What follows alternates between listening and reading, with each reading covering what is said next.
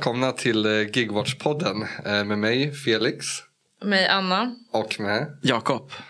Idag sitter vi på Studio Norden här i Stockholm eh, och vi har lite, ja, men lite blandade saker att prata om. Eh, Vad ska du prata om? Vad jag ska prata om? Jag ska prata om eh, Nina Björks bok Om man älskar frihet, lite om merit- meritokrati men även om science fiction. Wow. Mm. Vad ska du prata om Jakob? Eh, jag tänkte faktiskt prata om att eh, mitt jobb har gigifierats. Åh nej. heavens. Det lät ironiskt men jag menar det helt seriöst. Ja, ja, men det, det suger faktiskt. Vad ska du prata om? eh, jag ska prata om Foodora gånger två. Just det. De försöker, Ständigt vara, aktuella. ja, de försöker vara relevanta på något sätt. De sjunker bara djupare och djupare ner i psykosen. Vi, vi hugger betet. Eh, vet ni vad det handlar om? Eh, nej, berätta. Jo men det som har hänt är att Foodora nu i veckan gick ut med att de ska bredda sitt utbud av tjänster. Jaha. Eh, så det så att man kan köpa sushi då eller? jag tror att man redan kan det. Ja, just det.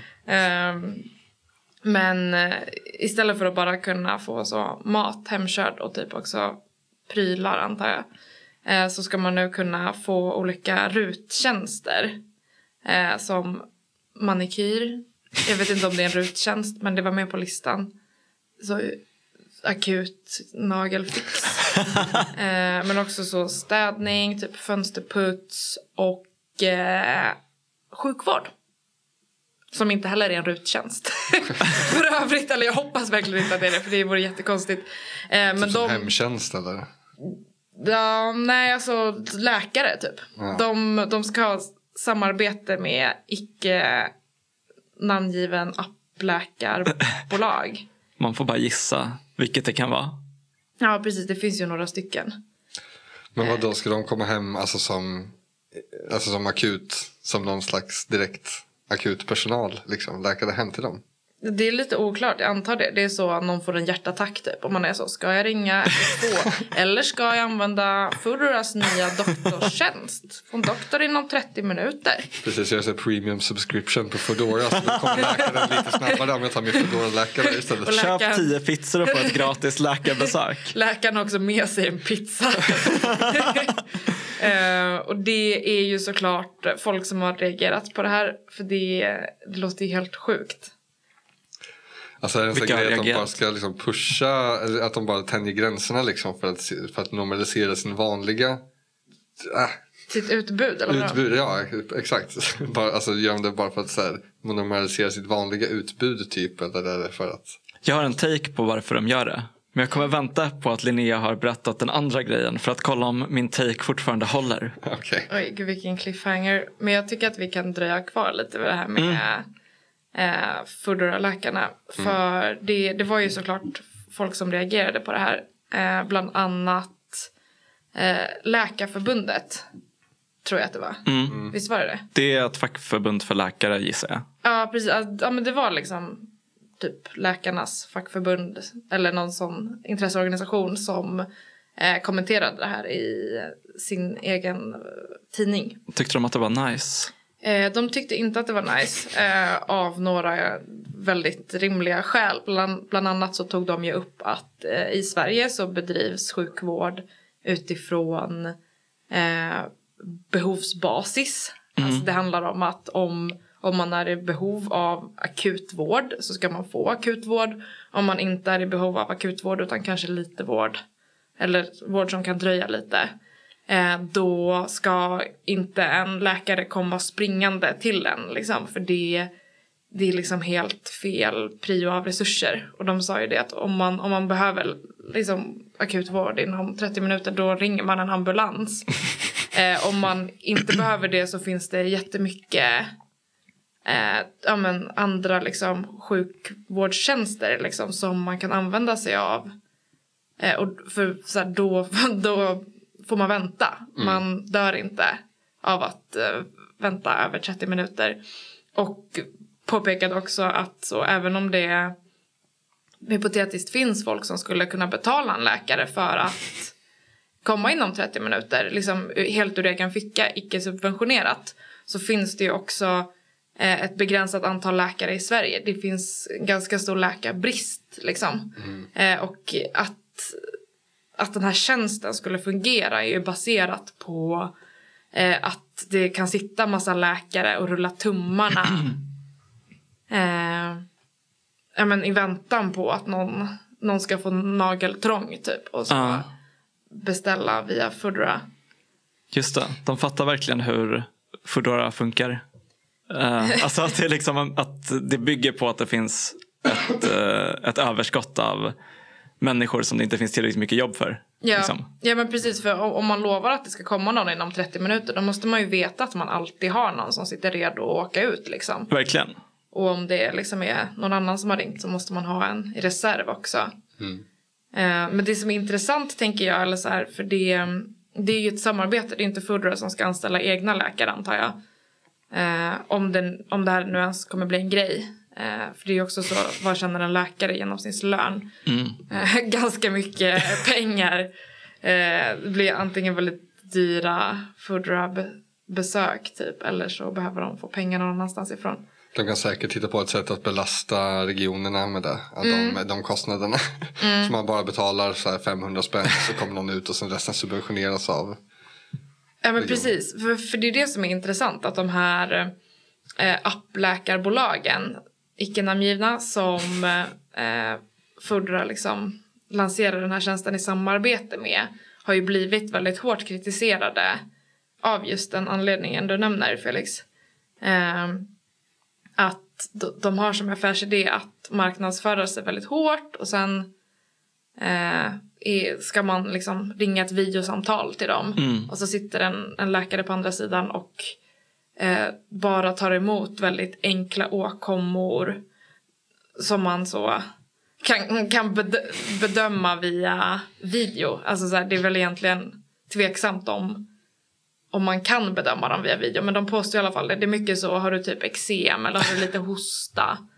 Eh, och sen har de liksom hittat någon slags loophole att de, de kan fakturis, fakt, vad fan heter det? Fakturera. fakturera.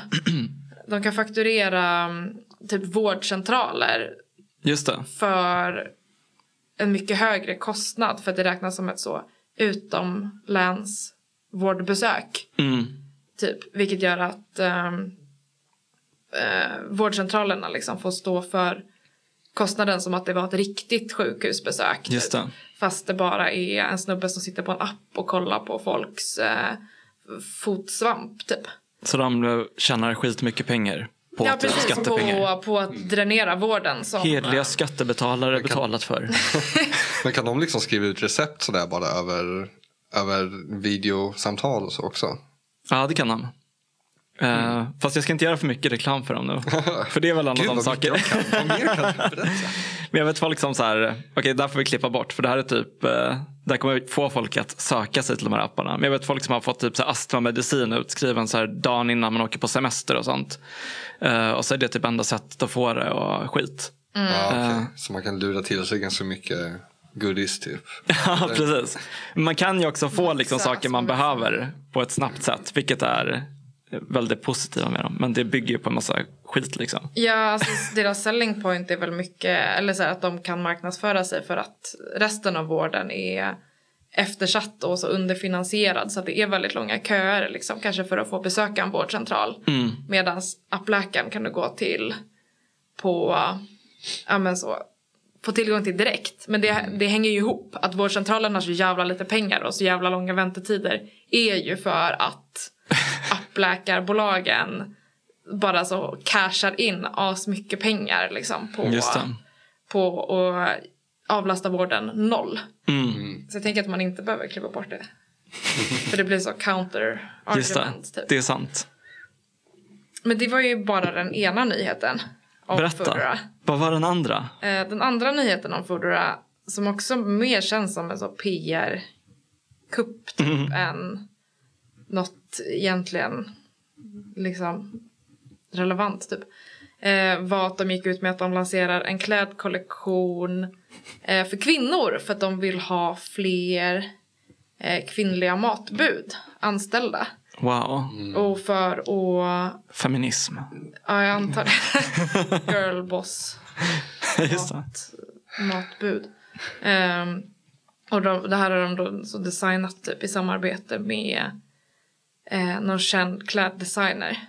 Per Holknekt. Ja, jag försökte googla om, om det fanns någon så konstig grej han hade gjort som man kunde häckla honom för men jag hittade inget kul. Men det är alltså typ- speciellt liksom utformade såna här rosa jackor för tjejer liksom. Jag antar det för deras små tjejkroppar som inte kan ha på sig vanliga unisexkläder. För det är liksom inte att de vanliga foderjackorna är så gjorda för män typ. Utan det är ju ja, men en vanlig unisex. Det är kanske deras sätt att bemöta den här kritiken de har fått om att eh, matbud och sånt inte bemöts med respekt liksom, när de kommer hem till folk. Och nu när de ser typ, ah, det är faktiskt en snygg tjej här som Har kläder av maten." Per Holknekt. det betyder att hon, jag ser henne. Klassiskt, Jag ser att snygga tjejer får respekt. Få dricks, förlåt. Jag vet inte. Ja, och de blev ju lite uppmärksammade för det här då och intervjuade i några tidningar som var så varför så här, är det här rimligt typ att ni prioriterar eh, att ta fram nya kläder när istället för att höja lönerna. Och då är de ju så, åh men genomsnittslönen eh, bland de som arbetar är 150 kronor timmen. Vilket vi ju vet är bullshit. Om inte, annat för att Eufodora systematiskt eh, använder sig av eh, vad, vad heter det, systerbolag. Ja, precis. Alltså andra bolag som inte är bundna av kollektivavtalet. Där de Mm. kan ha vilka villkor som helst. Exakt. som Typ alla som kör bil. Ja exakt, som kör ut samma mat och använder samma app. eh, Men som inte är Och samma kläder. Och samma unisex-kläder. Samma girlboss-uniform. men som inte är officiellt anställda av Foodora. Men det tänker jag också, alltså igen med det här med att de bara gör sådana outrageous grejer. Liksom, att det, alltså, att de verkar ju bara hitta på massa så jättekonstiga saker nu för att typ synas i media. Det är Ja. inte bara att det är sådana saker. Jo, Det var där din, eh, Det är min din take. take som, min take är så här. ja. Att eh, de håller bokstavligen på att så här, göra en reenactment av eh, kejsarens nya kläder-sagan. Eh, sagan. Att det är liksom... Alltså hela den här branschen befinner sig i superkris. Det är typ ingen som vill investera i de här företagen längre. Uh, I jättemånga europeiska länder så har de behövt dra sig ur. Um, och uh, det de gör då är att bara så här, ja men nu ska vi liksom uh, hitta på de här coola grejerna som alla kommer imponeras av. Men det som är problemet är att liksom, det, alltså, de försöker dölja det faktum att det inte finns någonting att vara imponerad av. Jag vet Ja. inte om det är exakt så den sagan eh, fungerar. Men eh, det är någonting sånt. Ja, det, det är ändå klädrelaterat. Ja, exakt. men men, nej, men jag, jag tror ändå att du är något på spåren. Eller jag tänker också så, alltså Foodora eh, i, ut, utifrån liksom den ekonomiska situationen i samhället just nu så har ju Foodora inte jättemycket fördelar. Alltså det är ju eh, superhöga levnadskostnader liksom som eskalerar hela tiden. Eh, med så stigande elpriser, stigande matpriser. Eh, folk har mindre pengar till konsumtion. Alltså det första man börjar prioritera bort är ju så eh, pizza, pizza med liksom extra avgift för att hämta. Akut manikyr. Akut Då manikyr. lägger man hellre pengarna på ett ägg för 10 kronor. Ett paket ägg för 400. Eller vad fan det kostar nu. Ja men exakt, så det jag kan tänka mig att de här företagen inte går jättebra liksom. Eller börjar, börjar känna av eh, det här det ek- ekonomiska, eh, vad säger man, inte lågkonjunkturen kanske men ändå det pressade läget. Ja, verkligen. Men jag tänker också, det, finns, det är en sida av det. Men sen finns det ju också den andra sidan. Som Foodora också är lite inne på. Typ. Och det är ju att så här, om man går mot en ekonomisk kris. Då innebär ju det antagligen att liksom fler jobb kommer att gigifieras. Um, och då kanske de är helt rätt ute med att liksom, uh, skapa en app för, jag vet inte, ruttjänster liksom. Um, Mm, Att de redan, redan liksom är förberedda med appen och plattformen och allting när alla jobb kommer bli gigifierade. Ah, exakt. Liksom. Vi är här och samlar ihop er till. jag tror inte att de är så smarta. Jag tror att det bara är en PR-kupp. Men de kanske har råkat eh, eh, De halkar in på bananskalet in i nästa liksom, stora vinstaffär. Liksom. Ja men exakt. När vi alla gigifieras. Jag tänker att folks ekonomiska situation också blir värre så att de är tvungna att tacka ja till sämre jobb. Så att det blir så, du ska cykla runt och så fila naglar Ja men för exakt. 75 kronor Exakt. timmen typ, eller 5 kronor nageln kanske det blir. Och liksom högre arbetslöshet. Då kanske folk tar lite random ströjobb på, på någon app typ. Eh, Men jag tyckte att det var lite kul det du skrev på Twitter Jakob. Apropå att eh, Foodora inte känns så relevanta typ. Eh, att, ja men så, vad, vad hände med de här eh, robotarna? Som hypade så jävla mycket. Ja. Att de skulle leverera mat. Man såg dem liksom på sociala medier mm. för ett och ett halvt år sedan, något sånt, ett år sedan kanske. Eh, I en månad typ. Och sen man har inte sett dem ute. Och inte hört något mer. Nej jag vet. Men det där, är jag, det där tror jag att jag redan har pratat om i podden. Det har jag också en take om. Det är att de lanserade dem liksom en vecka efter att kollektivavtalet kom. Eh, så det är bara ett sätt att säga liksom. Om ni någonsin gör någonting igen. Då kör vi ut de här robotarna. Och så byter vi ut alla som jobbar här. Mot robotar. Men du menar att det bara var ett tomt hot? Att de inte... Ja. De har inga robotar. De har en robot som så... Det sitter någon, något litet barn i den typ och så trampar typ. För att den ska verka Exakt. vara automatisk. Det är typ enda sättet man skulle få en sån robot att vara lönsam. Genom, genom spädbarnarbete. Ja, nej men för det känns ju också... Jag vet inte, som en så svår grej att få funka rent tekniskt typ. Mm. Så den ska köra runt i stan. Alltså, fatta hur många som är ute på fyllan som kommer se den där och bara kommer så knäcka den som ett ägg och så äta bytet. Ja, som en verkligen. sån lootbox Ja. typ på stan.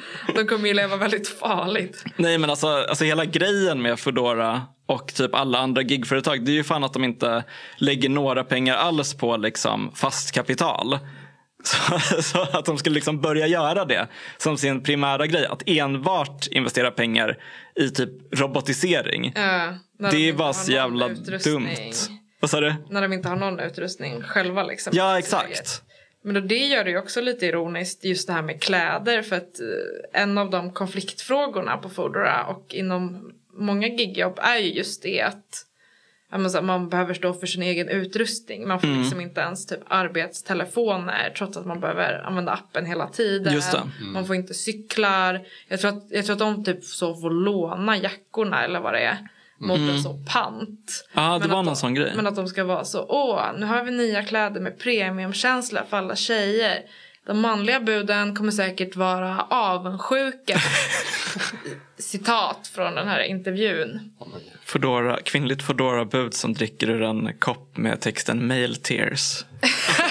Jag menar att det, är liksom, det är bara så yta. Att det är så, här har vi en pitch att det är en känd designer som tar fram feministiska kläder. Men vi kan inte ens eh, ja, men så, stå för kostnaden typ när folks arbetsredskap går sönder på stan. Liksom. Nu har de ju i nya kollektivavtalet någon så eh, att man ska få ett påslag på typ 300 kronor i månaden för arbetsutrustning. Men det är ju också inte en jättebra deal. Typ. Eller så om en cykel blir stulen. Alltså man kommer ju inte jättelångt på 300 kronor. Nej men precis. Mobilabonnemang, kläder, cykelprylar. Vad mer? Ja, mer saker i alla fall. Mm. Alltså mobil också. Det är, det är mycket skit man behöver liksom. 300 kronor. Ja. Det kostar typ att köpa var en limpa bröd, ett paket smör. 300 kronor har råd med ett paket ägg. Och, men, men apropå um, nyheter om gigekonomi. hin- Hinner jag dra en kort ja men kör en till. till? Eh, en som är lite mer upplyftande kanske. Ja. Eh, för några veckor sedan så kom det ut en undersökning som visar eh, ungas attityd till gigekonomi. Just det.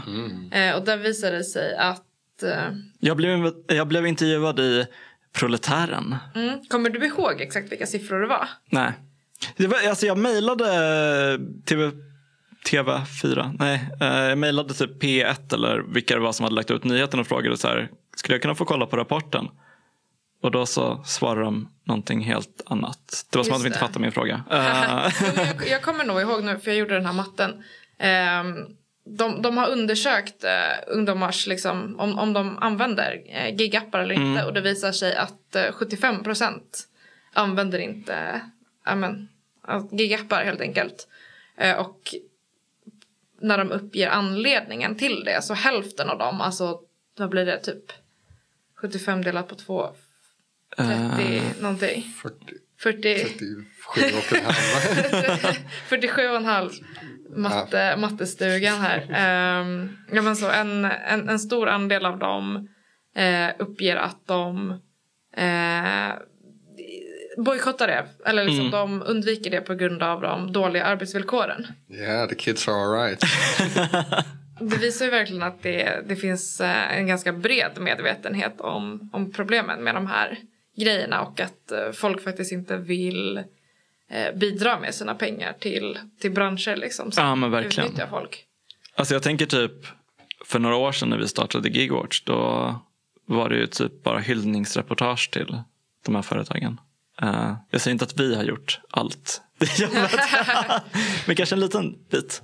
Ja, en del i alla fall. Tror jag. Tror jag. Och sen försöker vi också problematisera liksom, konsumentperspektivet. Men det är ändå... Eh, ja, jag tyckte att det var kul att läsa att det, det är väldigt många liksom, som håller med ja men på verkligen. grundpremissen. Ja. Men då tänker jag liksom att så här, eh, nästa steg det är att folk borde inse också att deras egna jobb också kan liksom drabbas av gigifiering.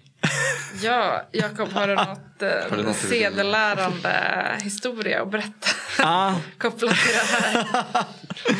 Jo, men jag tänkte berätta lite om eh, mitt eget jobb faktiskt. Eh, för jag har, ehm, jag har råkat hamna i en så här eh, ofrivillig eh, etnografisk fältstudie av gigifiering. Eh, som, som då äger rum på mitt jobb. Men vilket jobbat. privilegium att få en sån direkt inblick i det. Det var saftigt nästa rapport kom upp. Där du själv är studieobjektet. Ja, exakt. Eh, det, är lite, det är lite kul tänkte jag säga, men det är inte alls kul. Ehm, Det är lite ironiskt. Ja. Eller så är det inte ironiskt alls. Nej, men framförallt med tanke på, alltså jag jobbar liksom inom undertextning kan man säga, lite förenklat. Ehm, Alltså du skriver undertexter i realtid typ, eller vadå? Nej, i orealtid. Ja, alltså jag skriver... Vi säger bara att jag skriver undertexter.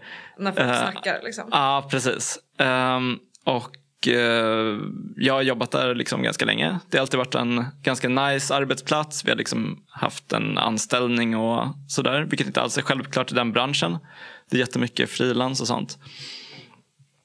Jo, men det som har hänt under eh, de senaste månaderna är att eh, mitt jobb då har eh, gigifierats kan man säga. Mm. På vilket sätt? Um, alltså det har varit så lite gradvis. Uh, det började med att uh, företaget liksom började ta in en massa frilansare förra året. Uh, och då var det lite så här, ja men uh, det är väl dåligt men uh, det påverkar inte oss typ. Um, och, men, men sen nu när jag kom tillbaka efter semestern. Då hade vi liksom då fick vi ett meddelande om att de skulle ändra från att vi skulle ha ett liksom fast schema till att vi istället skulle få alla uppgifter på liksom mejlen. Och sen så var det någon först till kvarn princip som gällde. Okej, och om ni inte tog en uppgift då skulle ni inte få pröjs eller vadå? Ja men precis, då går det till någon annan liksom.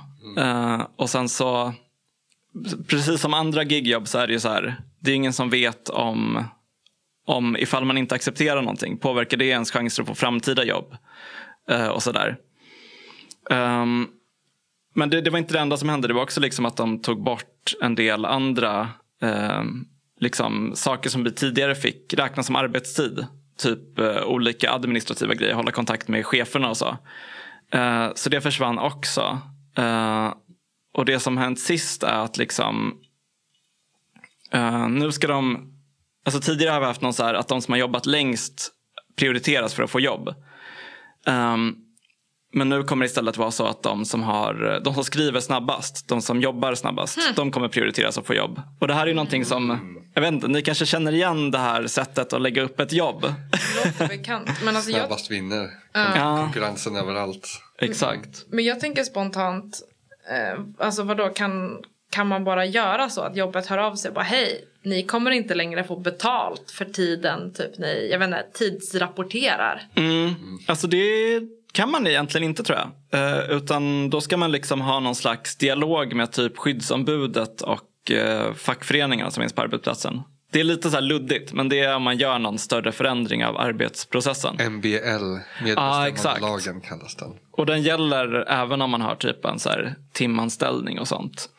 Uh, så det, det kan man ju ta med sig om man lyssnar på den här podden och hamnar i en liknande situation i framtiden. Ja men frågan är väl så, okay, om man nu inte får göra det, vad, vad får det för konsekvenser då kanske? Uh, det där har jag inte riktigt lyckats fatta. Du kanske vet Felix, du som är med i facket och sådär. Det är jag också i och för sig. Men... Jag är också det. Bara för att man är med i facket så vet man inte massa saker. Du som är fackförståare. Alltså, så här, ja, alltså alla sådana här förändringar liksom ska ju MBLas egentligen. Men jag, alltså, för det, är en sån här grej som egentligen är, alltså, står nästan över liksom för det handlar ju väldigt mycket om hur man ens liksom, alltså hur företagsmodellen ser ut och så också. Det känns mm. som att, alltså jag har aldrig varit med och MBLat över en sån grej. De sakerna jag MBLar över är ju typ om vi ska få en ny chef eller en ny kontorsyta, en kontorsyta som ska byggas om eller renoveras eller något ja. sånt där. Det här får du rita ju... den? Utan Nej det får jag inte. Det kommer alltid med förslag och så här, kan facket skriva under att det här är okej? Okay? Typ man bara, ja ah, visst jag bryr mig inte. så kan vi anställa den här chefen? Ja visst, jag, jag vet inte. Jag bryr mig inte. Jag bryr mig inte. är du korrupt? I wish.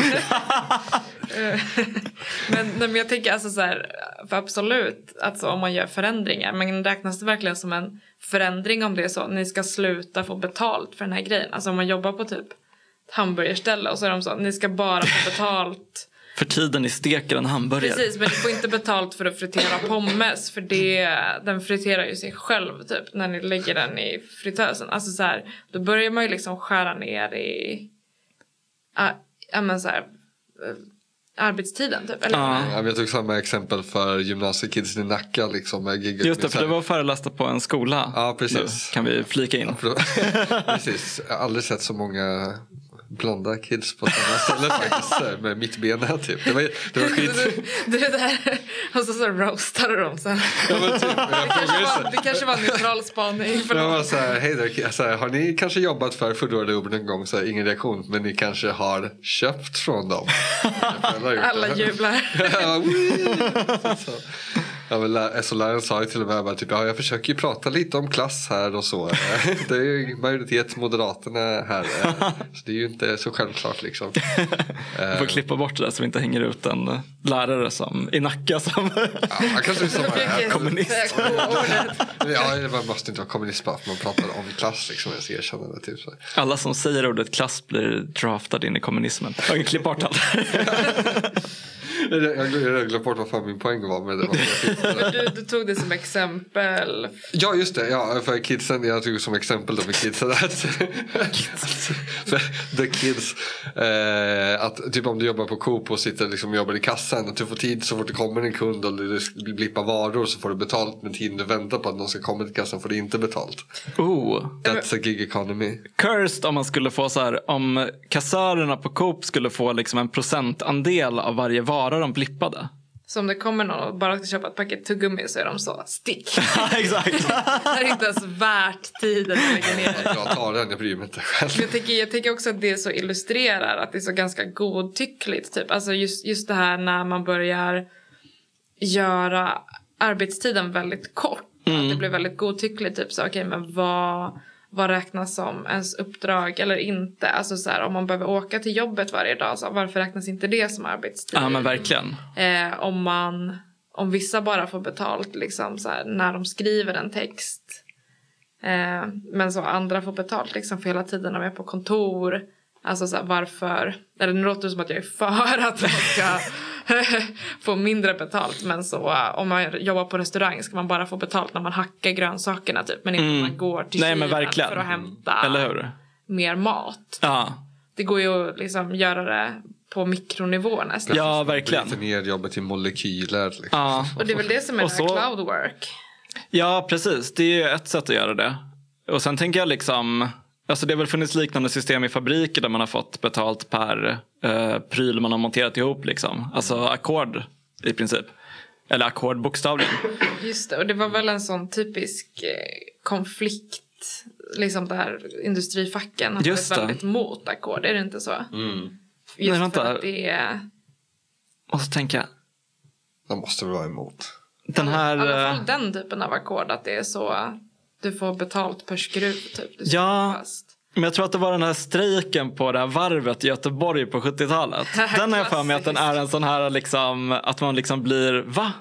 Strejkade de för att behålla ackord? Men de kanske hade väldigt förmånliga ackord. Ja, precis. För att, Det är också det, om man får tusen kronor för varje skruv man skruvar, om man, man skruvar två per dag typ. Exakt. eh, värt. Ja, för jag tror att liksom det som hände under 1900-talet när man hade ackordsystem på en massa fabriker, det var ju att folk lärde sig sätt att utnyttja ackordet. Um, ja, Lite som appläkarna lär sig utnyttja sjukvårdssystemet fast, fast det är dåligt istället Precis, för bra. Man, man, gör, man, man gör bara så, operera folk för att det ger mest betalt oavsett Mm. om de behöver opereras eller inte. men jag har också funder- jag funderat lite över eh, hur det kom sig att eh, mitt jobb kunde gigifieras också.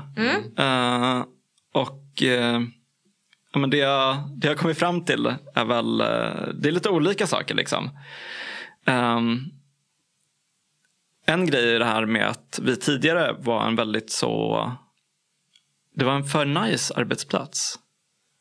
Eller liksom, vi hade en sån Ni hade schysst en chef. anställning, eller vadå? Det är det enda du har pitchat, att, att, att det var nice. Nej, men vi hade en schysst chef.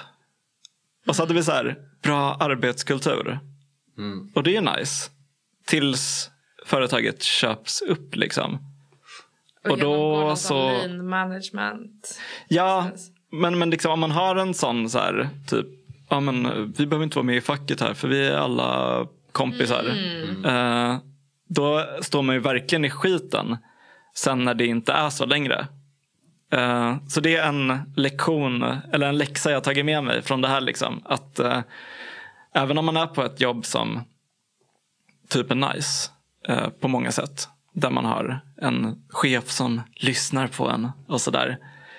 Eh, så borde man gå med i facket. Så kan de backstabba när som helst. Ja, precis. Eh, eller i alla fall liksom snacka med sina kollegor och ehm, bli, bli kompis med dem så att man har varandras rygg när det händer något jobbigt. Liksom.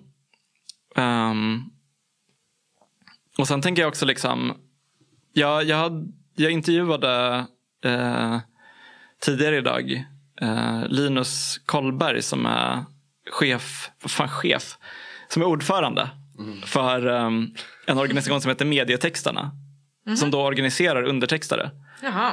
Eh, de är en del av eh, Journalistförbundet. Men de har liksom hoppat, eh, tidigare var de i Teaterförbundet tror jag. Oj, Eh. Och han berättade lite om, så här, om typ undertextarnas historia för mig. Ehm, vilket var skitintressant utifrån den situation som jag befinner mig i nu. Sa Ehm, jo, men han berättade ju liksom att ehm, för typ 30 år sedan eh, och där knyter det också kanske an lite till det som vi pratade om i förra avsnittet om liksom musikbranschen. eh, när vi intervjuade Rasmus Fleischer. Ehm, nej, men för 30 år sedan typ. Då var ju folk som jobbade med undertext liksom superspecialiserade eh, experter. Eh, och för att kunna göra det, för att kunna jobba med det här. Då behövde man liksom någon skitavancerad apparat. En som typ bara- supertangentbord som är så... Nej men alltså man behövde, det fanns ju typ inte datorer. Eller det fanns ju datorer men Mm. man kunde inte göra undertext på dem. Så istället behövde man någon så analog undertextmaskin typ. Mm. Eh, som säkert alltså gissningsvis kostade flera hundratusen eller eh, över en miljon eller något i den stilen. Liksom. Och då var det så här att då fanns det en liten grupp människor som kunde jobba med det här. Det fanns en liten mängd arbetstillfällen. Eh, och eh, ja, men man kunde liksom eh, pressa upp sin lön, sina villkor. Eh, man kunde ha det rätt gött. Det var liksom ett medelklassyrke. Det var ett, eh, man var en expert, en specialist. liksom. Men det som har hänt under de senaste 30 åren, Eh, vilket också är anledningen till att jag ens har kunnat jobba med det här till att börja med. Det är ju att eh, det har kommit jättemycket så här mjukvara för att göra det här. Eh, och att vem som helst liksom idag äger en typ PC. Eh, och plötsligt så kan skitmånga undertexta. Eh, och det är ju bra på ett sätt.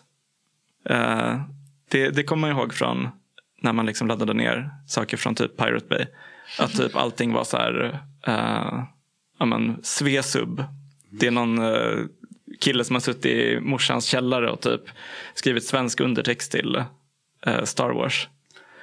Um, men det är skitdåligt för liksom arbetsmarknaden. Mm. så det finns helt enkelt för många som kan jobba med det som jag jobbar med. Och, där, och, och det är en sån grej som liksom, det där är fan grunden för gigifiering. Liksom. Att det är en relativt låg tröskel in i att göra det yrket. Mm. Och där kanske det är liksom, det vi snackade om tidigare med liksom läkare på Foodora. Det känns som att det inte kommer hända för att läkare liksom, det är så jävla skyddat liksom det är dels kompetensen men det är också liksom examen och licens och ja, legitimation. Precis. Man måste ha pluggat jättelänge och sen mm. också typ gjort praktik eller vad fan det är. Um, eller vad skulle du säga Felix? Liksom? Ja, nej, men jag vet inte, det är så sjukt att det är så här men det är en bransch som tidigare som du säger såg som väldigt så här, ja, specialiserad och väldigt svår som inte alla kan göra och nu kan alla göra det. Och vi ser samma sak om läkare nu att det är så, men det är så specialiserat det kan inte hända. Men alla kan kolla på fotsvamp via Zoom faktiskt. Man bara, det där ser inte bra ut. Jag har sett fotsvamp i mina dagar liksom. Så, så bara, 2000 spänn för. Men det enda de säger är antingen så att det där är lugnt eller gå till vårdcentralen. Ja precis, det kan ju, alltså, det kan ju verkligen vem som helst göra. Mm. Fan, okej, okay, jag tror precis insåg. Men grejen med Affleck det är inte det att de ska göra en riktig bedömning. Det är bara att de ska säga det där är för dåligt, du måste gå till en riktig vårdcentral eller det där ser okej ut, du kan eh, ta en Alvedon och gå och lägga dig. Alltså. Mm. de, det, de, kan ju inte utfärda någon vård. Det kan ju vem som helst göra egentligen. Vi borde starta ett Vi borde läkarbolag, fast etiskt. Så det är så här, man tänker, som du säger, det är så här, alla jobb ses som typ så här, men det här kan inte gigifieras för att det är liksom för specialiserat. Jag tror att det dags att börja här, tänka på att det kanske inte riktigt är så alla gånger utan det är nog det, är, det, är det här vi liksom jobbar oss mot i alla branscher. Ja men verkligen. Men det är ju alltså, det som gör det här extra intressant att det här har hänt på just mitt jobb nu. Det är också att vi håller på med ett projekt i Gigwatch i vår skrivarbetsgrupp. Där vi håller på att kolla på just jobb som ligger mellan liksom mellan det som kanske ses som så konsult frilansgrejer mm och det som ses som gigjobb. Um, och där tänker jag att det här med liksom med typ trösklar in i yrket. Det är en väldigt viktig del av det. Um, och liksom uh, men typ hur man som individ kan eh, liksom pressa sina rättigheter på arbetsmarknaden. Mm. Uh, Men jag, jag, jag, ja, eller förlåt. Jag, jag, tänker att uh, till exempel då det här undertextarjobbet. Um, det kanske traditionellt sett har varit ett sånt jobb där folk konkurrerar genom att liksom visa på sina personliga kompetenser. Bara jag, eh, jag kan det här och det här, jag har gjort det här och det här. Men när det liksom går mot mer ett gigjobb, då ändras den situationen. Och istället blir det att det mest effektiva sättet att eh, liksom kämpa för sina rättigheter och sina villkor blir istället att liksom gå ihop med andra i samma bransch. Mm. Och Det är därför jag tycker det var så intressant att snacka med också Linus från medietexterna. Uh, för det känns som att de liksom har växt fram ganska organiskt ur den här förändringen av det yrket. Typ. Uh, men jag funderar på, alltså sen, vad, vad gör man liksom när ens jobb blir gigifierat? Det är en bra fråga. det har jag inte ja, kommit på. Vad, vad, gör ni då? Alltså, så liksom, ni är med i facket, du? du och dina kollegor. Vad, vad gör ni nu då? Nej men alltså det, det viktiga är att eller så här, prio ett, det är att kolla om det som händer ens är lagligt. Eh, och det, det är det ju inte alltid. Um, men det är, liksom, det är väldigt slitsamt. Det tar mycket tid. Det är liksom eh, det är psykande på ett sätt. Uh, Ja men för det jag tänker för det är ju som vi pratade om i början att så det kanske inte är tillåtet men vem är det, alltså det är ju inte som att det automatiskt bara för att det inte är tillåtet liksom blir så smäll på fingrarna utan då är det väl så då ska då är det facket som ska ta tag i det mm, och facket måste ju utgå från att det är, det är de som är anställda liksom som är organiserade antar jag. mm. Nej men precis. Alltså det, alltså I slutändan handlar ju allting på arbetsmarknaden om makt. Uh, och att uh, liksom... uh, alltså maktutövning. Eller inte maktutövning.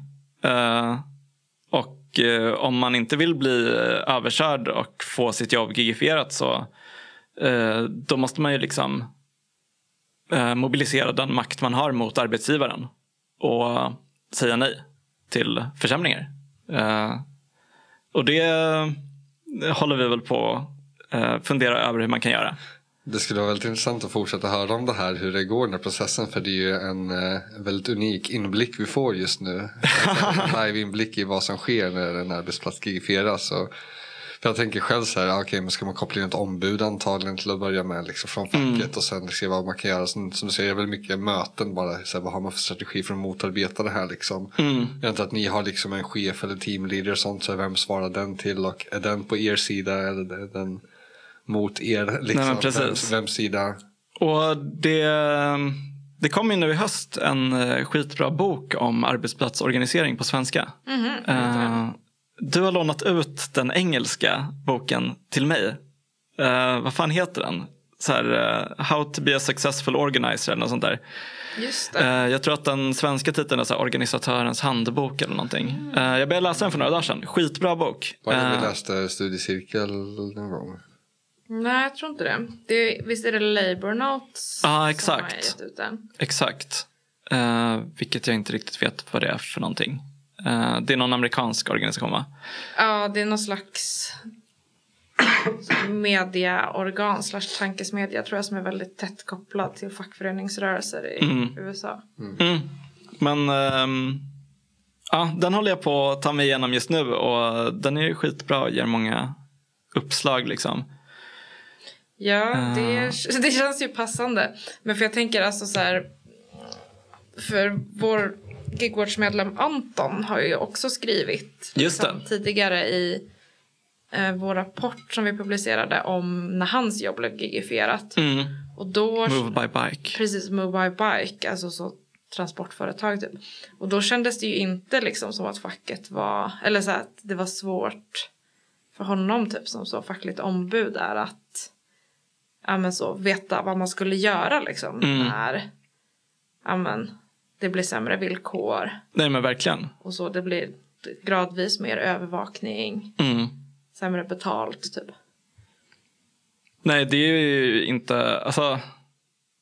Jag tror att fackföreningsrörelsen inte är jätteberedd på den här typen av förändringar faktiskt. Eh, eller det är min uppfattning i alla fall. Eh, Ja, och kanske inte liksom en själv som anställd heller. Eller att det är så när man pratar arbetsrätt så är det mycket dels så, åh, typ lön. mm. Vad ska man ha för lön? Eller hur?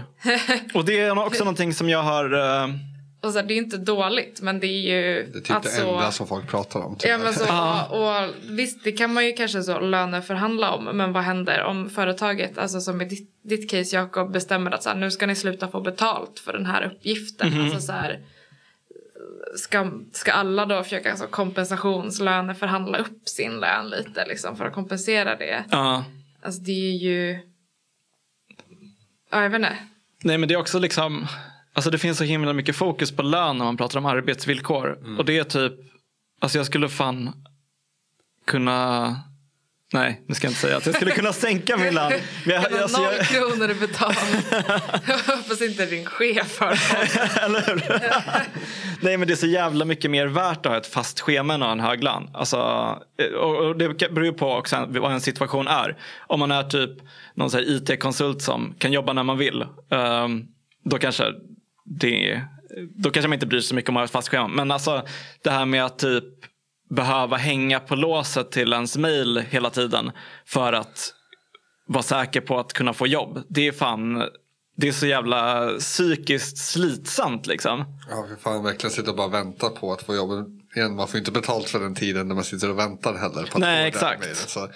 Det är samma sak med många av de här eh, hembiträden och sånt där. Hemtjänst som sitter liksom vaknar fem på morgonen fram med telefonen och hoppas att man får några pass liksom, på Mm. morgonen. Att det är så här, som hela ens dag är redan förstörd även fast man inte vet om man får jobba eller inte. Ja men verkligen.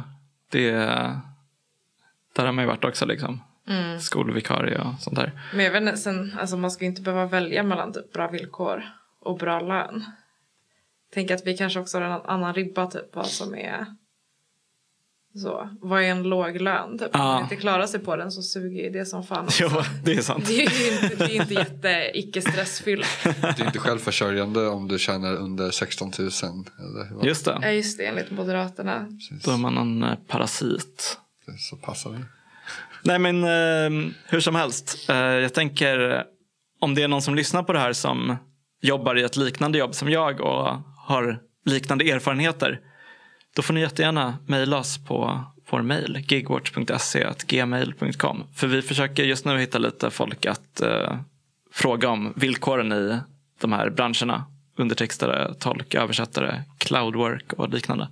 Och jag tänker att eh, om man har egna erfarenheter av att ens jobb gigifierats så får man jättegärna också mejla in det Mm. som historia så kanske vi Verkligen. kan läsa upp det i podden. Mm. För det känns som ett sånt ämne. Jag vet inte, man, man stöter på det mer och mer. Att man, man hör om folk liksom, i olika situationer känns det som. Ja. Felix, Ah, Vad- ska jag... vad ska du prata om? Du har läst någon bok? Jag har läst en bok. Eh, för att jag, vi skulle ju ha den här podden då. Så skulle jag ha något att prata om. Och så tänkte jag, ja, men det här, eh, då ska jag läsa den här boken. Eh, som jag fick av mamma för två år sedan, julafton. eh, för att jag har inte tagit tag i att läsa den. För att jag... Eh, ja, men det, var, det var ett tag där som jag hade lite så här läskramp eller vad man säger. Alltså, jag hade väldigt svårt att liksom läsa någonting. Mm. Jag har haft så nu under sommaren. Alltså, Min tjej har läst typ tio böcker, jag har läst noll. Jag har det så hela tiden. Jag kan bara läsa tweets. Men jag har verkligen, så- jag har verkligen så lidit av samma sak. Och sen så upptäckte jag eh, fiktion. Mm. Igen, jag återupptäckte fiktion. Roliga böcker istället för Ja, tråkiga exakt. böcker. Jag började läsa roliga böcker och bara, ah, är det så här det var att läsa? För jag, alltså jag brukade läsa asmycket, för, ganska mycket fantasy och sånt. Speciellt när jag var så här, tonåring och så. De senaste åren så har jag bara så här, tragglat med typ så här olika historieböcker eller vet, så, om ekonomi och politik och sånt där. Mm. Jag har här försökt läsa olika saker av typ, ja men, eh, vet, Marx. Ja men typ Lenin-grejerna, Frans Fanon och Mm, men det var för att få läskramp. Ja men jag hade den bara så här, fan vad det, alltså jag orkar inte läsa den. Jag tror att det, jag slutade senast med var det något som Kajsa Ekman hade skrivit om eh, Grekland typ. Och var på den och kom. Sällan hon refereras till som Kajsa Ekman. Jag, jag, ville, men jag lärde mig faktiskt förra veckan. jag lärde mig förra veckan att Ekis inte är hennes andra efternamn. Utan det är hennes smeknamn. För det var någon som för första gången skrev Ekis inom citationstecken. Jag bara, åh. Och då slutade du säga ekis. Ja, men, antingen säger jag Ekis fast jag är inte så jävla tjenis med henne på det sättet. Så jag kan säga, Kajsa Tjenis Tjenman. kan säga smekis smekman. Slut. Men det är för att jag säger det högt i huvudet varje gång jag lär känns nämnt att eh, eh, OCD typ. Kajsa Stekis Stekman. Det här är inte en eh, ekis hatpodd. Nej, det, det var Det är en men jag- jag, läste i alla fall den här boken om Klipp eh, bort allt. Grekland. Kajsa Grekisk Grekman. Det var faktiskt öppet mål. Kajsa Grekisk Grekland-boken.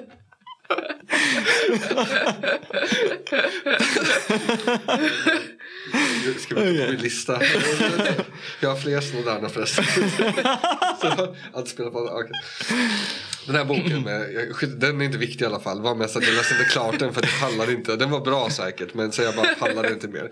Och sen så jag, tänkte jag fiktionen för jag läste en tweet av någon som skrev om eh, Ursula Le Guin. Åh, Mm. Klassiskt. Jag har inte läst henne, jag bara säger mm. Mm, ah, mm, tänker alla, kanske ni. Jag var så här, "Ha, men henne läste jag ganska mycket som tonåring. Jag älskade övärlden när jag var liten. Eh, Jag hatade dem, jag tyckte de var jättetråkiga. Sant? Ja, förlåt, nu sabbade jag flowet. Eh, nej, nej, du får tycka vad du vill. Alltså, jag älskar dem då. Jag skulle aldrig läsa om dem för du vet att jag skulle förstöra dem. Jag har så här minne av att de var så här fantastiska. Earthsea på engelska.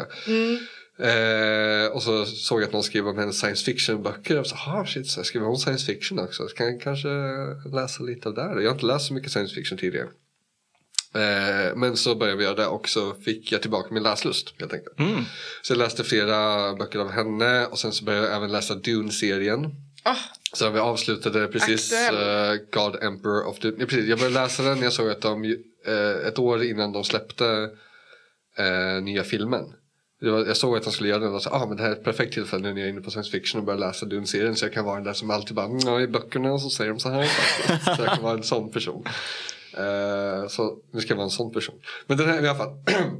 och det var Sen höll jag på att bli väldigt uttråkad av läsningen för att jag började läsa den här boken då av eh, Om man älskar frihet av Nina Björk. Mhm. Och det är, det är inte för att boken är dålig utan det är för att jag inte pallar läsa någonting som inte är fiktion. Så det var väldigt, men i alla fall. Det här, Lite för lite rymden. ja så, exakt. laservapen. Precis, för lite ökenmaskar, för lite liksom melange, krydda eh, och sånt. Eh, ni känner inte till referensen. Nej. Men- nej. men eh, i alla fall, det, det är nog en bra bok. Men jag, i alla fall, jag fick det för två år sedan och jag tänkte att ah, men nu ska jag läsa klart den här till podden. Eh, det är säkert, så ska jag ha en take på den. Eh, och det går säkert att koppla till gigekonomin på något sätt. För den handlar typ om eh, frihet. Liberalism tänker jag för att Nina Björk är väl så här. Typ vänster, jag vet faktiskt inte jättemycket om det. Jag har också sagt till henne för två veckor sedan att Nina Björk är inte samma Nina som sjunger i The Cardigan. det var, Jag blandar alltid ihop henne med Malin Björk som är typ vänsterpartist i EU-parlamentet. Finns det Men också är Björk, väl- den hon är väl isländska artisten. teoretiker. mm, Är det hon som har skrivit Under rosa täcket? eh, säkert. Eller blanda ihop det? Jag har Jo, bara läst det är det. en bok av Ja. henne. Nina Björk. Ja, men jag, jag trodde länge för jag var så ah, Nina Björk sk- skriver hon det också, så här, vad bra, så här, Cardigan så jättebra. Så, här, så här, dålig koll på Men då tog jag med den här boken och eh, den var väl liksom, den följer liksom en ganska tydlig liksom, marxis, marxistisk anda i att så här, jag har haft ett online-bråk så nu ska jag skriva en lång bok om så här, varför min motståndare har fel och jag har rätt. Lång. Men den börjar rätt bra i alla fall. För den börjar typ prata om det så här begreppet frihet mycket så här. Eh, och de döper den liksom till Om man älskar frihet av Nina Björk. För, för jag antar för att locka till sig typ liberaler liksom andra för men så, "Åh, jag älskar också frihet så ska man den och så här känna mig helt så, så ska man känna sig helt överbevisad. Ah. Ah. Shit, hon, hon har rätt nu, jag är fan kommunist istället. eh, för att annars om man ville attrahera ett eh, vänsterfolk så hade man väl kanske kallat den om man hatar frihet av Kina Björk.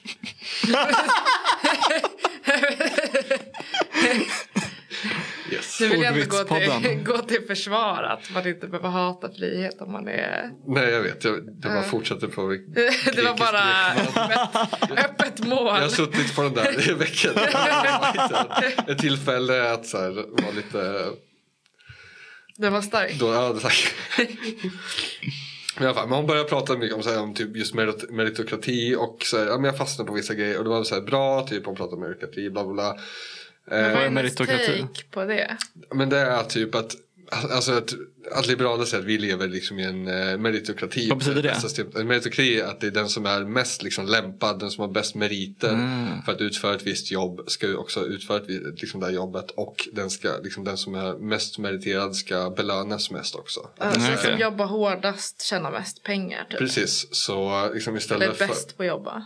Precis, så det är egentligen så här, ja, men man får ut av samhället det man ger till samhället. Så om du jobbar hårt och är smart och gör rationella beslut så kommer du att lyckas. Om du är lat och trög och gör dumma beslut så misslyckas du Den Det är sant. och du får lida. Precis. Så jag har gjort lite för dåliga irrationella beslut Jakob som har satt dig i den här situationen. Ehm, Jag har inte bildat en fackklubb. Kollektivavtal. så det är egentligen så här, det säger, alltså så här, ofta pratar ju liksom även liberaler om att de, det är klart de tror på jämlikhet liksom. Och det, hon vänder ju lite på det begreppet liksom, så här, okej men vad är liksom jämlikhet där? Och hon vill i alla fall zooma in på att säga, okej men meritokrati det innebär att liksom och det håller liksom förespråkarna med om också att det man ska ha jämlikhet i förutsättningar alltid. Så här. Man, i- man ska det ska inte spela någon roll om du är liksom född med funktionshinder, om du är född som fattig eller rik, om du är född som svart eller vit eller något annat. Du ska ha samma liksom, möjligheter att kunna lyckas. Att alla ska komma ut som en blank slate och eh, kunna liksom bli precis vad som helst. Det låter grymt. Just det. Men det, väl, det känner man ju ändå igen. Och sen använder man liksom det argumentet för att ursäkta att så alla som har det dåligt, de, det är bara de har tagit dåliga beslut. Precis, typ. de, ja exakt. det är det det, som de får säger. skylla sig själva. Varför valde du att födas som slav? Varför, ja, precis, varför valde du att jobba för Foodora istället för att jobba som Elon Musk? Starta ett techföretag och bygga liksom, idiottunnlar under hela USA. Liksom. Ehm, kan man göra. Ehm, men då pratar vi alla fall så okej, de tror ju på liksom jämlikhet i liksom förutsättningar men ojämlikhet i utfall. Kan man säga då. Och det är att fast det är så här, okej men det, det kan du ju ändå liksom, de flesta skriva under på. För det är, så, att, nej, men det är bra att ha ojämlikhet i utfall för att det innebär att man sporras att jobba lite hårdare. Liksom. Att det är så här, Man blir belönad för sin flit. Precis, precis.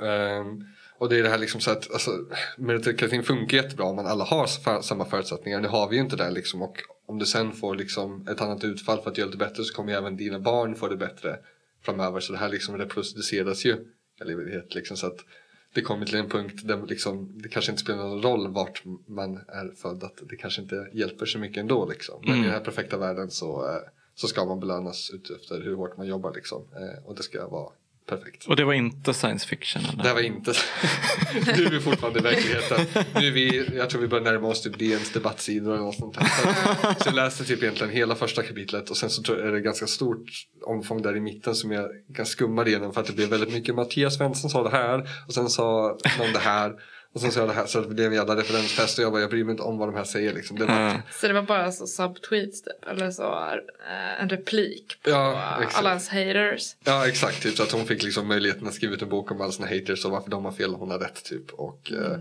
Drömmen. eh, eh, Men jag vet inte om jag, eller får jag bryta in? Ja, hoppa in. Men jag vet inte om jag heller håller med om alltså det här grundgrejen att så här, okej men det är eh, det är väl klart att folk som ska anstränga sig ska ha det bättre än folk som typ tar korkade beslut och så är lata typ. Mm. För det första så tänker jag att, jag vet inte. Eh, det, lathet känns som ett sånt koncept typ som eh, inte finns så mycket i verkligheten. Eller så att det är... Eh, alltså jag tänker att de flesta människor har någon form av drivkraft. Eh, men att så, det man ofta pratar om är kanske så här, man ska kunna så disciplinera sig och så underkasta sig ett, ett så eh, enformigt och själadödande jobb typ som kanske också är asjobbigt. mm. Och att så, om man inte gör det är man lat. eh, vilket så, jag tänker att det bara är... Eller jag vet inte om man hade ett samhälle där man inte så behövde jobba på donken typ eller något sånt utan kunde göra vettiga grejer så... Alltså folk gör ju skitmycket grejer ideellt liksom Mm. för inga pengar alls. Verkligen. Eh, för att så det känns meningsfullt typ, och roligt. Mm. Eh, Vi att gör den här podden ideellt. Precis, så att man vet att det är ingen där pengar. ovanför en som liksom drar in massa pengar på det man gör. Liksom. Det känns ju ändå befriande på ett sätt. Mm. Ja, nej men verkligen att man känner som man, man kanske gör något, något roligt eller, eller något som är bra. Eh, och för det andra, alltså jag vet inte, vissa är ju bara korkade typ. Alltså så här, tråkigt om de ska straffas för det. Eller jag vet inte. Stå upp för rätten och vara ja korkad. men vadå, alltså man... eh, Men det- Alla gör väl dumma grejer typ. Det är tråkigt och så.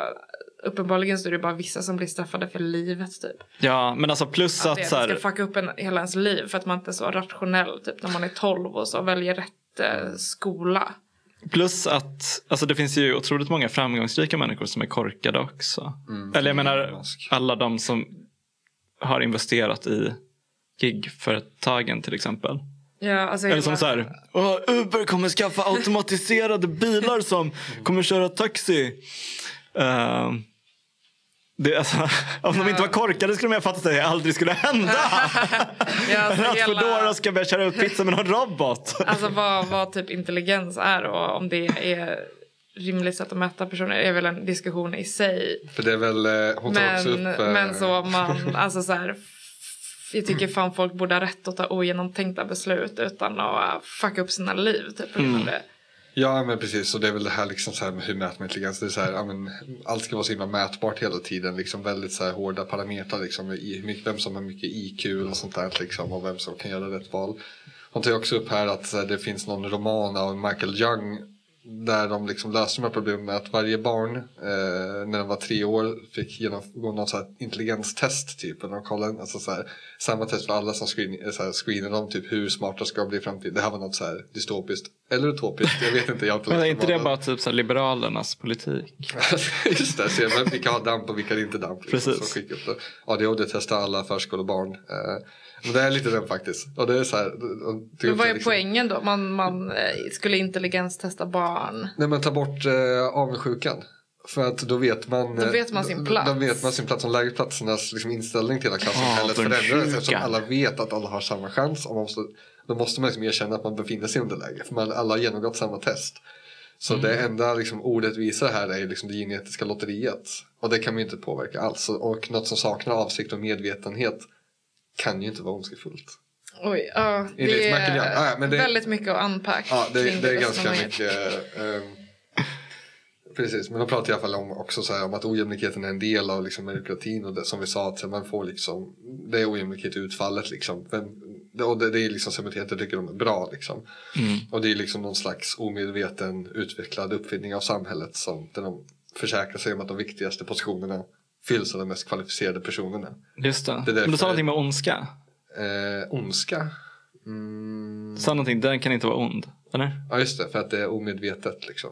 Eh, Det är lite intressant. Fast det var ju den här Michael Young-romanen liksom. Ah, okej, det var, jag vet inte, hon tar inte så mycket ställning för det, det var bara en liten kort parti. Jag tänkte så här, ah, okej, kan man verkligen ta barn från sina föräldrar? Det är lite så här, foreshadowing till vad jag kommer sen också. Det är också lite så man blir hela ens liv utstakat efter hur bra man är på typ stapla klossar typ på barnavårdscentralen. Ja men exakt, man kanske, kommer, man kanske ändrar sig mitt i livet. Man kanske får för sig att så här, ja, men nu, jag vill plugga geologi fram tills jag är 30. Sen helt plötsligt, nej men vet du, jag kanske vill vara musikproducent istället. Så kan man ju kunna hitta på något sånt.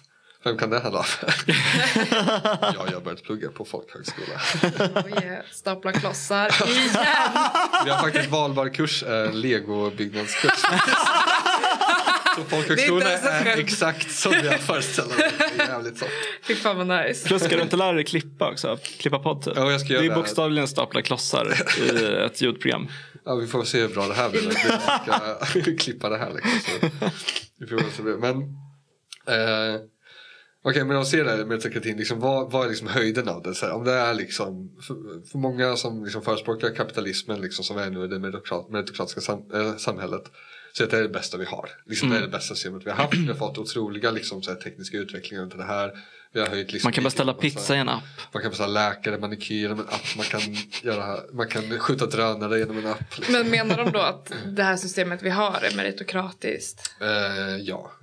För det, det är väl också, grejen är väl att det inte är det. ja, jag vet. Men det är väl det Men det kanske är det, det som är hennes poäng. Det är väl, det, äh, eller så här, hon, hon gör den här lilla marxistiska grejen, så här, okej nu tar jag deras argument liksom, och använder det mot dem liksom, så de är på det. Så då och säger okej det är ett meritokratiskt samhälle, liksom, eller om det nu är där vi vill ha, så här ser det ut då egentligen, liksom, vad är meritokrati, merit, jag, jag vet inte om jag sagt det rätt. gång. Meritokrati? Meritokrat, Meritokrati. meritokrati. ja, jag skulle inte hamna i det där. jag, jag kommer få stapla klossar. Meritokrati. Till klossfabriken. Alltså, Klosstaplarfabrik. Fabrik, jag kan inte säga det. Fan. Ja, jag har taget. Uh, men liksom vad är höjden av det här? Ska man ta, om man ser verkligen så här bredden, så här, hur långt kan det här ta oss? Liksom? Om den som har liksom bäst meriter verkligen ska styra. Alltså det kommer bli, eftersom vi ser liksom monopolisering av, all, av allting egentligen, av liksom företag och sånt. Det kommer ju även mon- monopoliseringen av liksom meriter samlas på någonstans. Sverige kommer styras av någon kille som har pluggat typ så här 30 år i Uppsala och bott i Flogsta i en korridor. Ja, precis, för då leder det till att man det den bäst lämpade ska styra typ. Och så Exakt. att det blir en diktatur. Är det grejen? Ja precis, det, det är det jag skulle komma till. Så jag har ju precis läst klart God Emperor of Dune. Eh, och det är typ fjärde eller femte boken i serien, jag tror att jag har två kvar. Eh, Är det en ökenplanet? det är eller en något sånt där? ökenplanet, Dune är ökenplaneten. Eh, Arrakis heter den egentligen. Det är den enda David Lynch-film jag inte har sett. Hans filmatisering av Dune från 80-talet. Du behöver inte se den. Den är, den inte så bra. Alltså, folk försöker säga att den är bra men den är inte bra. Jag trodde alla bara sa att den var skit. Ah, ja, hur som helst. Säger alla? Ah, Okej, det Ja. kanske beror på vem man pratar med. eh, då tänker man liksom, okej men för jag, jag läste den här boken, alltså Om man älskar frihet av eh, Nina Björk. Då, eh, läste jag direkt efter jag lagt ifrån mig God Emperor of Dune. Så Mm. under tiden som jag läste den här, det enda jag kunde tänka tillbaka till var hur mycket jag saknade med science fiction. Så då tänkte jag väldigt mycket på God Emperor of Dune. Eh, och i den här filmen då, eh, filmen, boken, eh, God Emperor of Dune. Eh, hur säger man det på svenska? Den gudomliga kejsaren, kejsaren av eh, dynan. Av sanddynerna. Eh, vi träffar i alla fall Lito, Lito eh, Emperor Lito den eh, andre. Han är, liksom, han är sonen till Paul Atreides som vi ser i den senaste filmen. Eh, som är liksom kejsaren den tiden. Och från den tidigare boken så har det gått ungefär 3 500 år. Wow. Eh, och den här sonen då, han lever fortfarande för att i slutet på eh, Children of Dune så... Han lever 3000 år senare. Ja, det Det är är science fiction. det är science fiction. Så Det är han i alla fall, hans farsa var ju kejsare eller kung över det här Arrakis ökenplanet. Yes, han är. Okej, det var en kille som var 3000 år gammal typ. Okej, ja precis. Det är lite då. Han är ju eh, son till den här Atreides och har i slutet av eh, Children of Dune som är alltså barnen till Paul Atreides som är huvudkaraktären i Dune, den första boken och andra boken. så, så, eh, så får han en massa så här, eh, ökentorskar som klättrar över den och typ fusar med honom så att han Men vadå, bör- alltså fiskar typ? Ja, precis som lever i sanden. Eh, som sen liksom så att ändrar hans kropp så att han mer och mer börjar likna en av de här gigantiska ökenmaskarna som lever på Dune. Men fisken är att han liknar en mask. Ja, den liksom Okej. fusar, det är en det är massa fiskar som sätter sig på hans hud och så, så liksom blir han mer och mer som en, en mask. Så, när vi träffar honom tre och ett halvt, det har gett honom o, eh, evigt liv också, han är odödlig. Så han är jättesvår att döda. Det går inte, alltså med laservapen, det går inte att skada honom.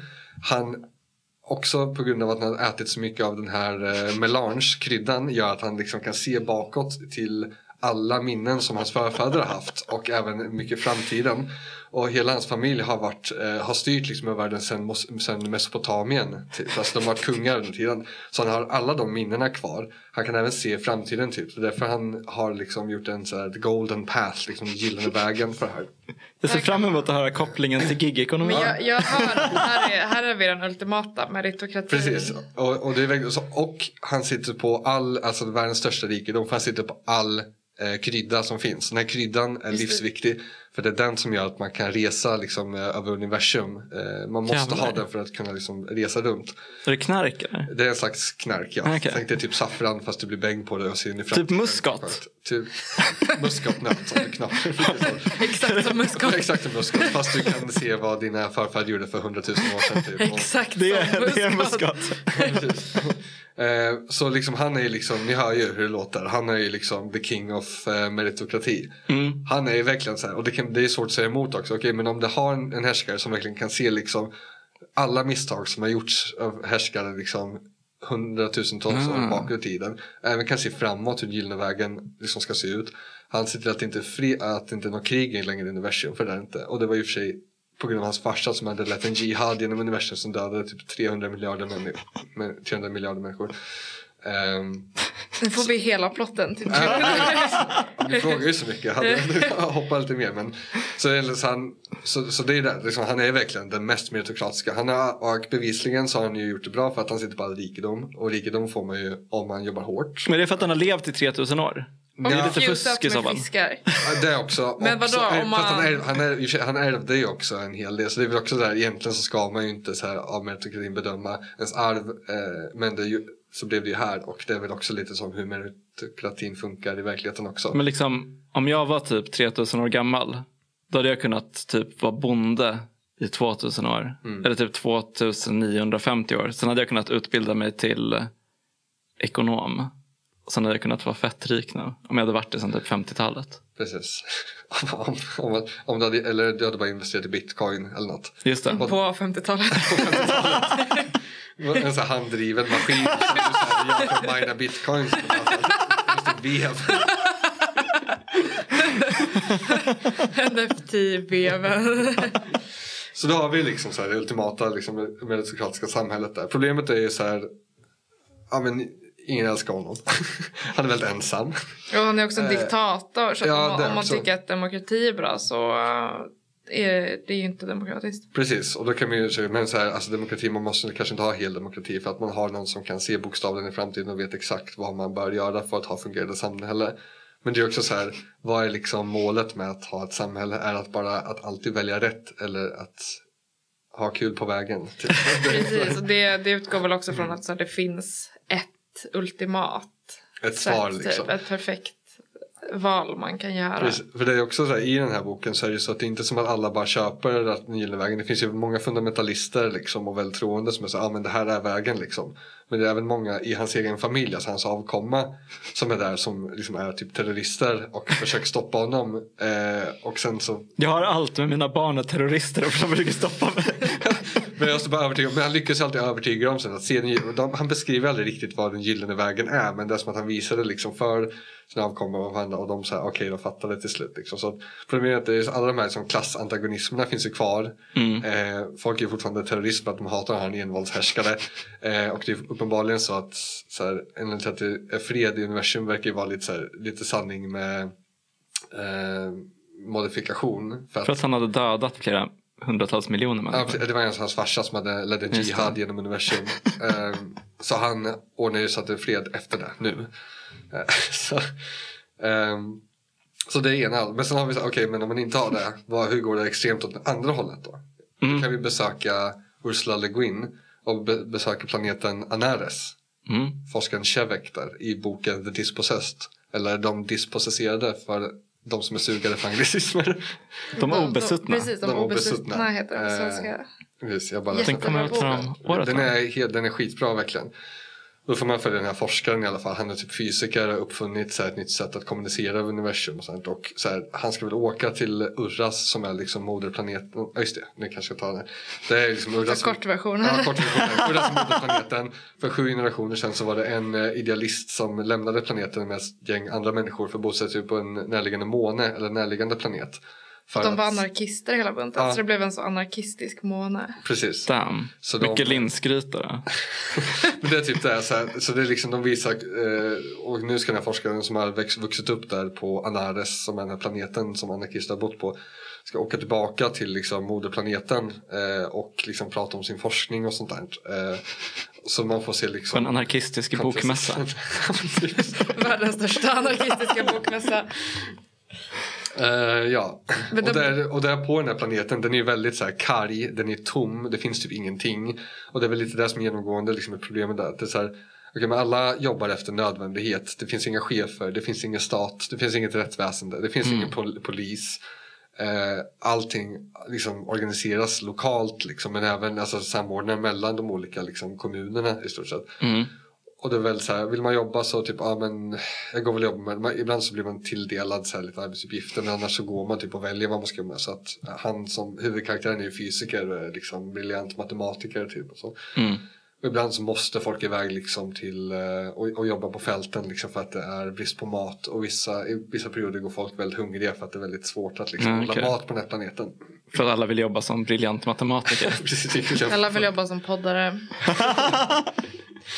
Eh, ja men det är så här, då får man liksom den, och så får man se kontrasten och så åker han liksom till Urra som är huvudplaneten där ja, men det är krigande nationer och alla vill ju ha hans forskning liksom. Alla precis, försöker vara den- diplomatiska. Men... Den, den forskare? planeten är väldigt lik jorden liksom i skildringen. Att det är, där lever de på ett sätt i ett överflöd liksom. Mm. Skulle kunna ha mat till alla men, men det är ändå massa folk som går fattiga. Mm. De väljer helt enkelt, de gör, att, de gör irrationella beslut. Ja precis, det är ett gäng meritokrater som har samlat på sig väldigt mycket pengar. Men den, eh, de obesuttna boken tycker jag är superbra. Mm. Verkligen tips på läsning Ja. till alla. Och jag, När ni har läst organisatörens handbok. Precis, men det, är- eller jag vet inte, det, det jag tycker är sympatiskt med den boken också att den gör ju verkligen ett ärligt försök att skildra ett anarkistiskt samhälle eh, som, ja men så här, de har ingen privat egendom eh, och de, de har liksom inga ledare utan allt är självorganiserat.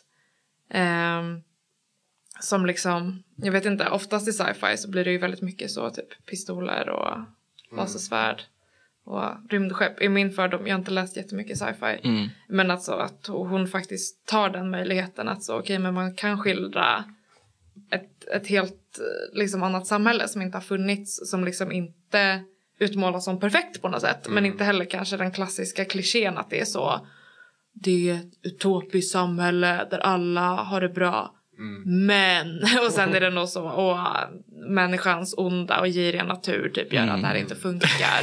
Utan att det, är, det är ett väldigt liksom seriöst försök att så skildra vilka problem skulle kunna uppstå när man har en sån civilisation liksom, där, mm. där allt ska organiseras gemensamt. Mm. Jo men precis, och jag tycker att, så att det, jag tycker det lyser igenom utan när man läser boken också så vilka, alltså att det inte är några sådana Alltså förutom att ja, det är visst liksom hunger och sånt och allt annat men det beror ju väldigt mycket också på omständigheterna. De jobbar där, de lever ju verkligen på en väldigt karg och typ död planet som... Eh...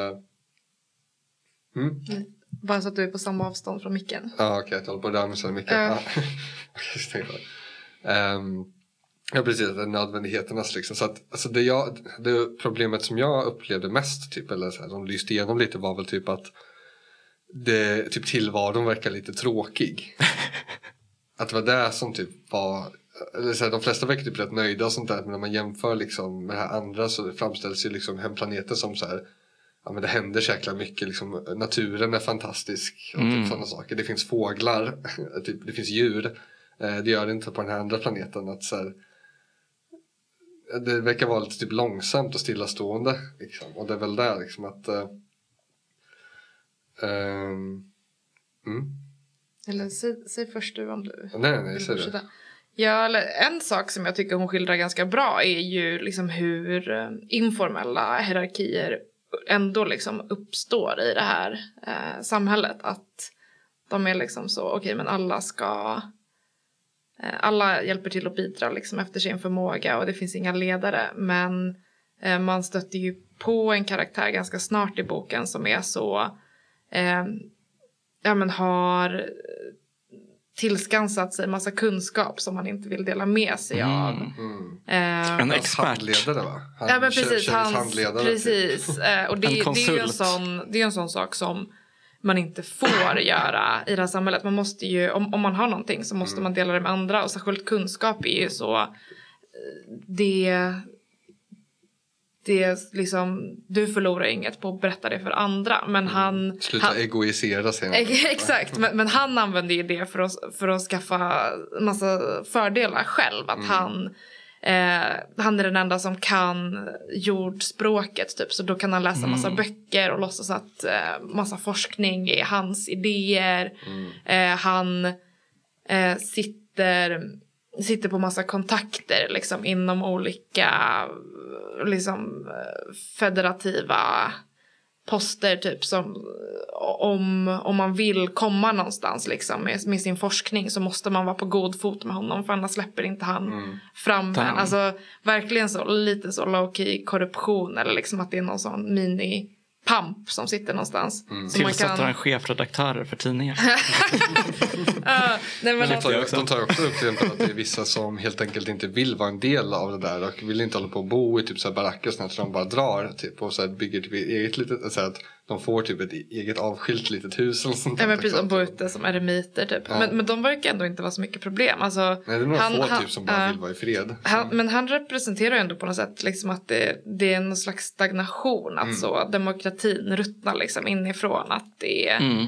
eh, det, det, ska vara att alla har lika medbestämmande och all, alla liksom kan vara med och ta mm. beslut. Men det, ändå på något sätt så, så är det han som ser till ja, men så bestämmer vem som eh, får studera på den här högskolan. Och, eh, själv gör han inte ett jävla knop för att så han... Eh, ja, men så, han har bara snott massa forskning från någon annan. Men jag tänker det där är en intressant grej i relation till det som jag pratade lite om. Uh, alltså inte just det här med att typ låtsas att man har gjort forskning. Men, men det här med liksom att eh, att vara specialist, att ha vissa kunskaper. För att det är ju verkligen så som man typ överlever på arbetsmarknaden genom att hålla sina kunskaper hemliga. Eller liksom gatekeepa dem. Typ. Jag tänker på det här exemplet som jag tagit upp flera gånger med den här sopstrejken i Stockholm för några år sedan. När det liksom, när mycket handlade om då att de eh, de här sopgubbarna som tidigare hade haft typ en hink med nycklar i. Där de, där de hade kunskapen i sitt huvud om vart varje nyckel gick. Vilket soprum den gick till. Det skulle ersättas med en blipp liksom. Då skulle vem som helst kunna bli sopgubbe liksom. Mm. Um, så, så där var ju liksom det här med att försöka monopolisera den här kunskapen verkligen sättet som man skyddade sitt yrke från att ja, men typ gigifieras. Liksom. Mm. Men jag tycker att det är jättebra liknelse. För, för det är ju verkligen alltså, anledningen till att den här snubben i boken kan skaffa sig alla de här fördelarna. Det är att här, det är ett så specifikt om, område han har koll på. Så mm. jättesvår mm. matte och fysik. Det är ingen annan som har tid att sätta sig in i det för att de så jobbar ute på fält typ. Så att han kan, han kan bli en så liten eh, eh, byråkrat, typ, en så små påve typ. Mm. För att eh, nej, så han har koll på något ingen annan kan syna. Mm. Eh, och så, och det, det är en intressant konflikt på något sätt. För att så å ena sidan så, så fattar man ju verkligen att eh, ja, men det är klart att man inte vill vara helt utbytbar på arbetsmarknaden. Mm. Men å andra sidan så Alltså, I teorin så finns det ju något sympatiskt i att man inte ska behöva vara låst vid att bara göra en grej. Att alla kan hjälpas åt att bidra till samhället Precis, med det, olika grejer. Liksom. Det, det är det alla gör här också, så att alla kan göra lite. Det, så här, det krävs ingen så här ultraspecialisering på någonting för att klara sig. Utan så här, ja, men nu behövs det folk som jobbar med skörden. Liksom. Och vissa, när det inte det behövs göras så kan du gå tillbaka till att vara matematiker eller något sånt. Men där tänker jag också lite på det som vi pratade om i senaste avsnittet också, om musikvärlden. Liksom. Ehm, där, eh, där vi pratade då om liksom progrörelsen på 70-talet och att det fanns två olika idéer om typ hur musikvärlden skulle fungera. Och där en var liksom att eh, shit, vi musiker är arbetare. Vi måste eh, gå samman i facket och förhindra strejkbrytarna från att eh, ta våra jobb. Medan det också fanns en lite mer så här utopisk vision som var liksom Ja men det är jättebra om så många spelar musik som möjligt. Vi, vi bryr oss inte, vi ser inte det här som ett arbete utan vi ser det här som någonting annat. Och det är skitintressant för att alltså jag tycker att det finns så mycket den spänningen i typ ehm, i mycket av hur arbetsmarknaden fungerar. Det är klart att liksom, det bästa vore om all kunskap var så allmänt tillgänglig. Eh, men det som händer när typ alla kan undertexta det är att villkoren sjunker för de som har gjort det längre. Liksom. Mm. Um, men liksom i, själv, rent så principiellt så är det jättebra. Ja, och jag tänker inte bara, inte bara som en så principgrej utan också så hur skulle man vilja ha ett arbetsliv? Alltså varför ska vissa sitta på kontor i 40 år och få så eh, massa problem med kroppen för att de bara står still och andra så pajar bara sina knän typ, mm. för att de, eh, jag vet inte, jobbar som sopgubbar och hoppar ur lastbil liksom varje dag och någon sabbar öronen typ för att de så jobbar på fabrik mm. eller på mm. förskola. Alltså, man kan inte, man, det bästa är ju och få göra lite olika mm. grejer. Och det är det Kevik pratar om också i den här, för han är ju liksom fysiker, briljant liksom, eh, forskare på det här. Man pratar ju också om att han bara, nej men jag måste, jag måste ut och städa, jag måste göra någonting med kroppen liksom. Att han, så går han och jobbar lite som städare ett tag eller jobbar liksom med skörden. Och så. Eller spela lite... paddel. Ja, men... du kan inte bara vara mellanchef. Ibland drar jag på mig min spandexdräkt. men, men jag tänker, ska vi Ska vi runda av lite? Ska vi ja, sammanfatta i något ja. kärnfullt? ja, det var väl det som kom, till. Så här, väljer man det här samhället där, liksom, där meritokratin står över allting så man får liksom gudomlig kejsare som styr hela den gyllene vägen framåt. Eller ska man välja det här andra pengalösa samhället som verkar typ lite tråkigt? Det anarkistiska Linsgryte-planeten. Ja, Okej, okay, nice. jag vet vad jag väljer. ja, jag tänker också. För jag tror generellt sett, alltså det är just det jag skulle komma till väldigt att så jag tror att generellt sett när folk ser så här, typ, ja, men att folk inte kan föreställa sig, eller det är lättare att föreställa sig jordens undergång före kapitalismens undergång, att man typ ser det. Det speglar sig även ofta sådana här som ska typ ge någon slags anarkistisk eller liksom kommunistisk berättelse om hur liksom arbetsfördelningen kan se ut. Att det, så här, det sker nästan bara eh, på, under sådana omständigheter där det verkligen krävs att man gör så för att annars skulle de gå under för att det är så himla svåra förhållanden att jobba i. Liksom. Och det är mm. så här, med klimatförändring och allt sånt där. Liksom, att så här, man kan väl se det ske och sen så kanske man kan se något slags anarkistiskt samhälle som ser ut nu för att det är bara svårt att föreställa, föreställa sig annars att folk skulle välja bort det vi har framför det här andra. Det är lite accelerationistiskt heter det inte. Jag kan inte säga det ordet. Men att man är så... Folk behöver få det tillräckligt dåligt för att vilja ha något bra. Ja, och jag är så här alltid, man tänker så här, så vill jag inte ha, alltså så här, man, jag tror att jag är lite accelerationist också. Så man bara måste så här, innan det blir en förändring och jag tror främst ser vi liksom med klimatförändringen att det är det som kommer tvinga folk till att så här, det kommer behöva bli annorlunda och det kommer inte vara att vi bara övertygar folk om att här, nej, men du måste bry dig om dina arbetsvillkor.